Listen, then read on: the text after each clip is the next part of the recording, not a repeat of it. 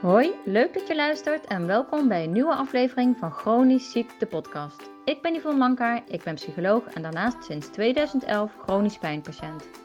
In deze podcast neem ik je mee in het leven met een chronische aandoening en zie ik het als een mooie uitdaging om het onzichtbare bespreekbaar te maken. Hiervoor ga ik in gesprek met experts en ervaringsdeskundigen. Ik deel naast mijn eigen ervaringen ook handige tips en met dit alles hoop ik je te inspireren tot een waardevol leven, ook als je chronisch ziek bent.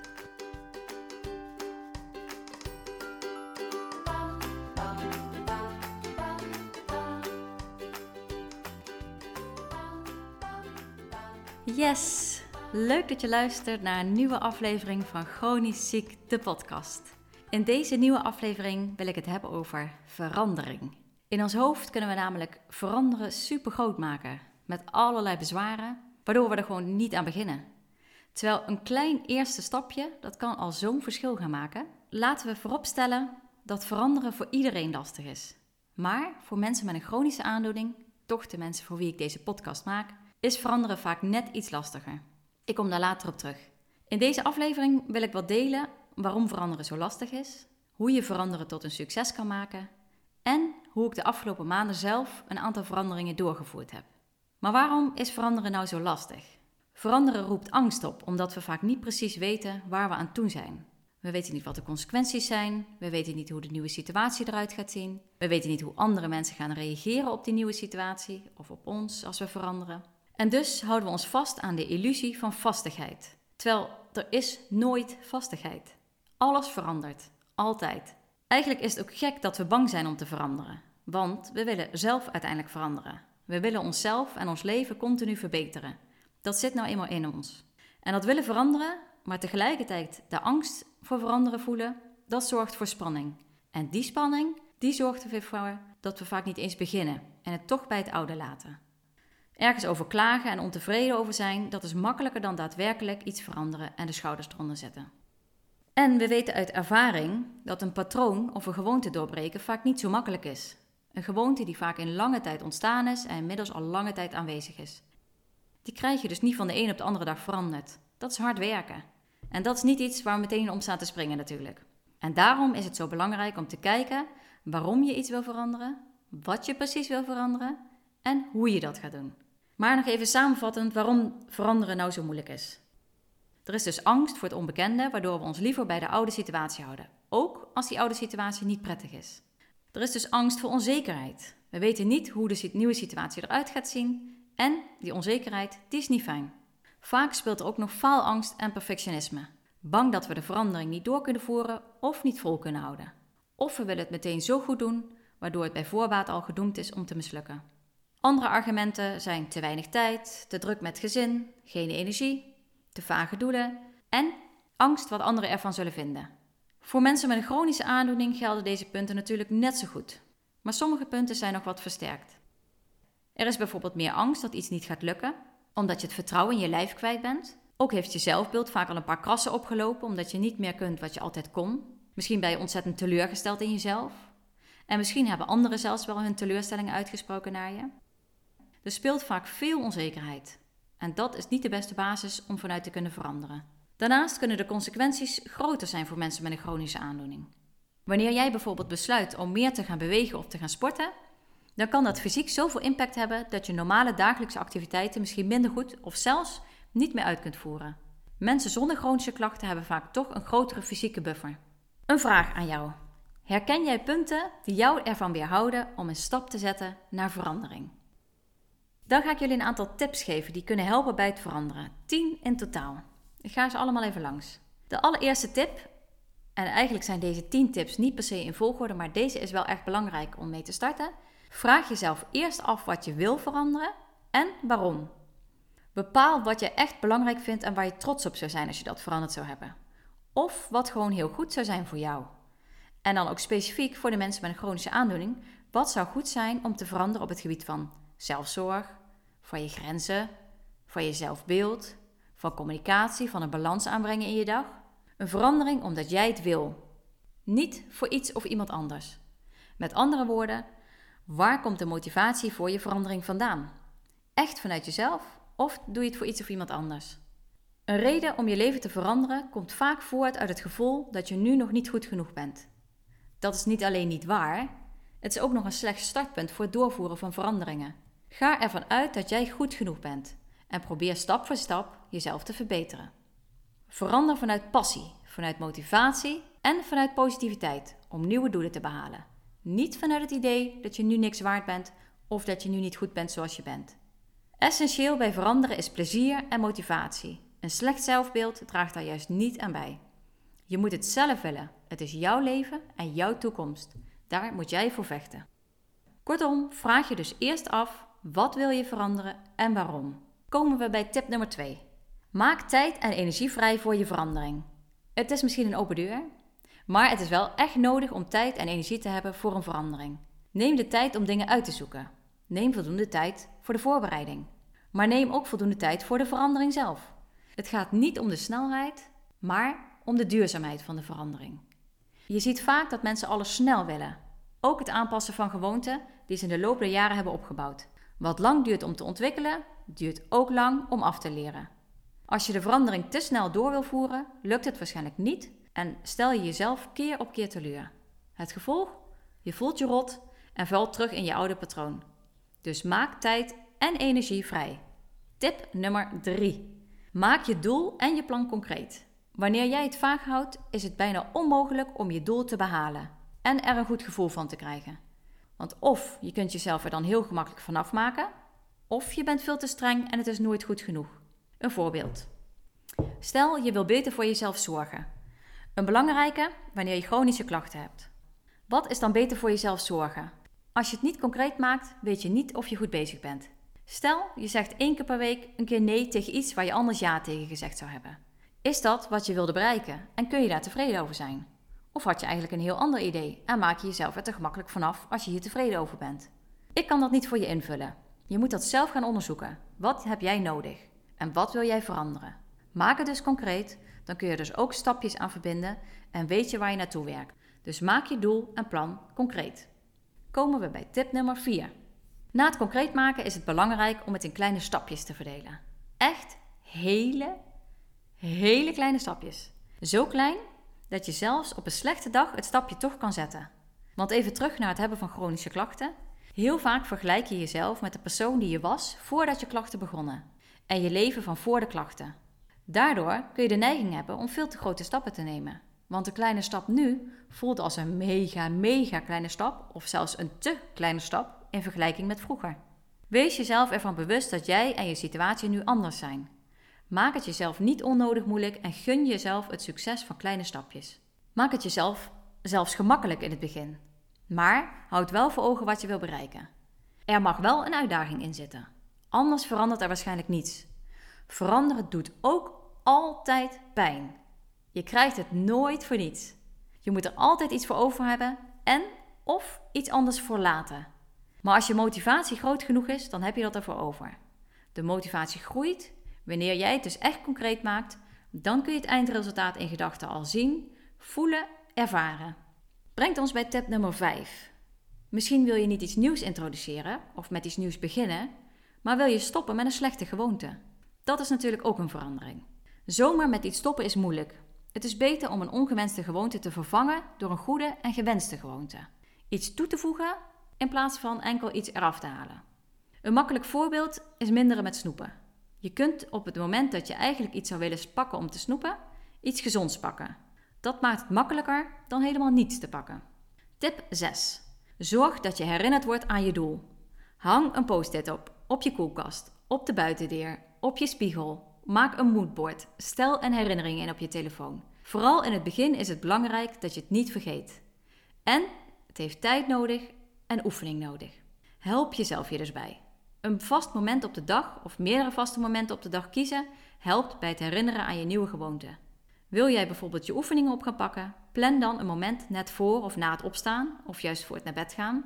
Wil je een extra rustmoment dat vast terugkomt, kies dan een tijdstip waarop je meestal ook thuis bent en tijd hebt en zet een wekkertje daarvoor. Zorg dat je jezelf herinnert aan je nieuwe gewoonte. Tip 7. Betrek andere mensen erin. Het kan zijn dat je de verandering samen met iemand anders gaat doorvoeren. Je kunt elkaar dan goed motiveren op moeilijke momenten. Je kunt ook iemand anders betrekken in de vorm van steun. Iemand die weet dat je ermee aan de slag gaat en waar je terecht kan als je het even lastig hebt of dreigt terug te vallen in een oud patroon.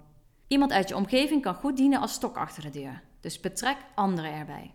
Tip nummer 8. Accepteer dat dingen soms anders gaan dan je had gepland, verwacht of gehoopt. Bereid je daar alvast op voor. Die momenten gaan sowieso komen en maken het lastiger om vol te houden, maar wanneer je jezelf hierop voorbereidt, heb je de helft van deze hobbel al overwonnen. Die terugval gaat namelijk komen, sowieso. Het leven neemt wendingen, je klachten nemen toe, andere dingen vragen aandacht en dan versloft een nieuwe gewoonte al snel. Dat gebeurt en dat mag ook. Wanneer je jezelf er bewust van bent, pak je het gewoon weer op. Je hoeft dan niet op nul te beginnen, want er is al een weggetje gemaakt waar je terug kan vallen. Tip nummer 9. Wees lief voor jezelf. Veranderen is echt niet gemakkelijk. En we kunnen heel snel terugvallen in de teleurstelling dat we het niet goed doen. Maar het feit dat jij de verandering in gang gezet hebt, is al supergoed en moedig. Je loopt altijd het risico op een faalervaring en daar zit niemand op te wachten. Maar dat jij dan toch de stap zet, daar mag je echt trots op zijn. Dus wees lief voor jezelf. En de laatste, tip nummer 10. Als vervolg op het lief zijn voor jezelf, evalueer en vier je successen. Beloon jezelf. Maak het leuk om de verandering door te voeren. Wees dankbaar dat je je tijd en aandacht kan besteden aan deze verandering en dat je toewerkt naar iets moois. Sta hierbij stil. Dagelijks, wekelijks, maandelijks. Houd een dagboek of een logboekje bij en kijk af en toe terug naar waar je vandaan kwam. En vier je vooruitgang.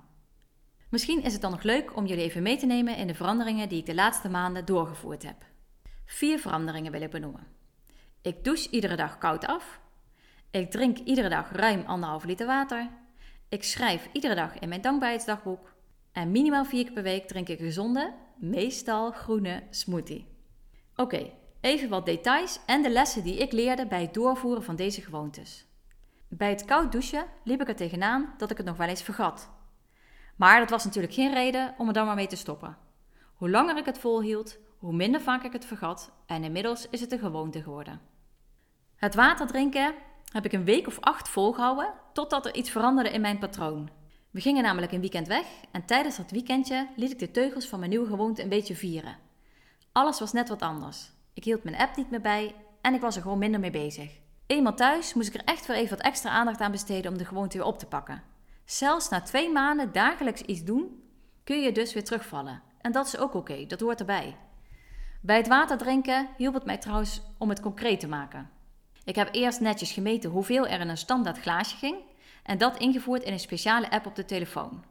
Ieder glas voerde ik in en gedurende de dag motiveerde het mij enorm om het rondje vol te zien lopen met hoeveel water ik al gedronken had. En ook het resultaat aan het einde van de dag motiveerde mij om het vol te houden. Is een mooi voorbeeld van het concreet maken dus. Dan mijn dankbaarheidsdagboek. Ik ben nooit van de dagboeken geweest, maar ik wilde meer aandacht besteden aan dankbaarheid. Cliënten laat ik vaak een positief dagboek invullen. Dat werkt net iets anders, maar dan adviseer ik ook vaak om een mooi boekje ervoor aan te schaffen. Dus dat heb ik ook gedaan. Dat werkt gewoon beter dan dat je er een leeg A4-vel papier voor pakt. Op internet kwam ik het 6 minuten dagboekje tegen. In de ochtend begin je met drie vragen en in de avond vul je ook weer drie vragen in. In de ochtend schrijf je drie dingen op waarvoor je dankbaar bent. Je beschrijft hoe jij van de dag een geweldige dag gaat maken. En je schrijft een positieve affirmatie op. En in de avond schrijf je jouw goede daad van de dag op, wat je aan jezelf kan verbeteren en drie leuke dingen die je meegemaakt hebt. Ik zal nog een keer een podcast opnemen over dankbaarheid en daar dan dit dagboek ook wat verder in toelichten. Maar mij helpt het dus enorm om stil te staan bij dingen waar ik dankbaar voor ben. Eerlijk is eerlijk, op het moment van opnemen merk ik dat het fundament van deze nieuwe gewoonte wat begint te rammelen. Toen ik begon met schrijven in het dagboek, begon mijn dag namelijk standaard met veel plat liggen door mijn operatie. Kleine moeite om het er dan bij te pakken. Inmiddels begin ik mijn dag niet meer met liggen, maar weer met mijn dochter naar school brengen, een wandeling of iets anders. Ik moet dus echt weer even een nieuwe weg vinden om het goed consequent op te pakken. Niet boos zijn op mezelf dat ik het niet goed doe, maar kijken naar een oplossing hoe ik weer verder kan gaan. Dan de laatste, het drinken van een gezonde smoothie. Deze gewoonte leerde mij dat je je doelen bij mag stellen, maar ook leerde het mij de impact van een beperkende gedachte van jezelf, dat die impact ontzettend groot kan zijn. Ik begon met het dagelijks drinken van een smoothie, maar in de praktijk merkte ik dat vier keer per week beter paste. En dus stelde ik mijn doel bij. Mooi om dus ook nog even de invloed van de beperkende gedachte te noemen. Toen ik begon met smoothies drinken, werkte mijn man namelijk nog veel thuis. En dus was er altijd wel iemand thuis en hoefde ik de smoothie niet voor mij alleen te maken. Want een smoothie voor mij alleen maken, dat vond ik zonde. Onzin natuurlijk. En het helpt dus om zo'n belemmerende gedachten op te sporen en te kijken of ze waar zijn en of je er misschien iets mee kunt waardoor je jezelf niet langer in de weg zit. Een vraag voor jou. Heb jij de laatste maanden veranderingen aangebracht en hoe is dat verlopen? Evalueer dat even voor jezelf. Als laatste nog even dit. Misschien vind je het lastig om te beslissen of je nu wil veranderen, wat je nu wil veranderen. Of het lukt niet om jezelf te motiveren om te beginnen. Wellicht helpen deze drie vragen om je dat laatste setje te geven. Vraag 1. Moet ik meer denken of meer doen? Deze vraag helpt je om bewust te worden dat meer denken je problemen niet oplost. Dat meer denken niet zorgt voor verandering. Constructief ergens over nadenken is goed en zelfs essentieel voor een goede stabiele verandering. Maar blijven piekeren en over bezwaren nadenken zorgt ervoor dat je stil blijft staan. Blijf niet analyseren. Kom in actie. Stel jezelf altijd de vervolgvraag: wat kan ik nu doen? Met andere woorden, de wat is het stapje dat je nu kunt zetten, dus die moet je concreet maken. De kan staat voor: is het eigenlijk wel mogelijk voor je? Je kunt wel iets bedenken, maar als dat bijvoorbeeld fysiek onmogelijk is, dan heb je er weinig aan. De ik lijkt me duidelijk. Formuleer sowieso niet iets dat eerst door een ander begonnen moet worden, dus dat een ander de eerste stap moet zetten. Jij moet aan de slag. Nu. Vandaag. Dus niet morgen, niet volgende week en zeker niet volgende maand. Nu wil jij alvast een klein stapje kunnen zetten. Al zet je doel maar op papier en hak je het in stukjes. Of maak je vast een afspraak. Doen. Ja, niet denken, niet overwegen, niet erover lezen. Doen. Aan de slag. Wat kan ik nu doen? Vraag 2. Wat kan ik nu doen dat het grootste positieve verschil voor mij gaat maken? Waarschijnlijk zijn er veel dingen die je anders zou willen in je leven. Zo zitten we nu eenmaal in elkaar. Heel veel van die dingen zullen ook een mooi verschil gaan maken. Maar wat gaat nou het grootste verschil maken voor jou? Wat is dat en wat kun je vandaag nog doen om dat in beweging te zetten? Vraag 3. Als ik doorga met wat ik nu doe, waar kom ik dan uit? Natuurlijk heb je geen totale invloed op alles wat je overkomt. Maar je bepaalt wel hoe je reageert op wat je overkomt. Dus vraag jezelf af: als ik blijf doorgaan met wat ik nu doe, waar zal ik dan over een paar jaar zijn? Met andere woorden, waar brengen je huidige keuzes en acties je naartoe? Neem een stap terug en bekijk je leven. Zie jezelf in je werk of in je vrijwilligerswerk, in je hobby's, in je relaties, in je gezin, in je persoonlijke ontwikkeling en in al je rollen in je leven. Wat je morgen krijgt, is een verlengde van wat je nu doet.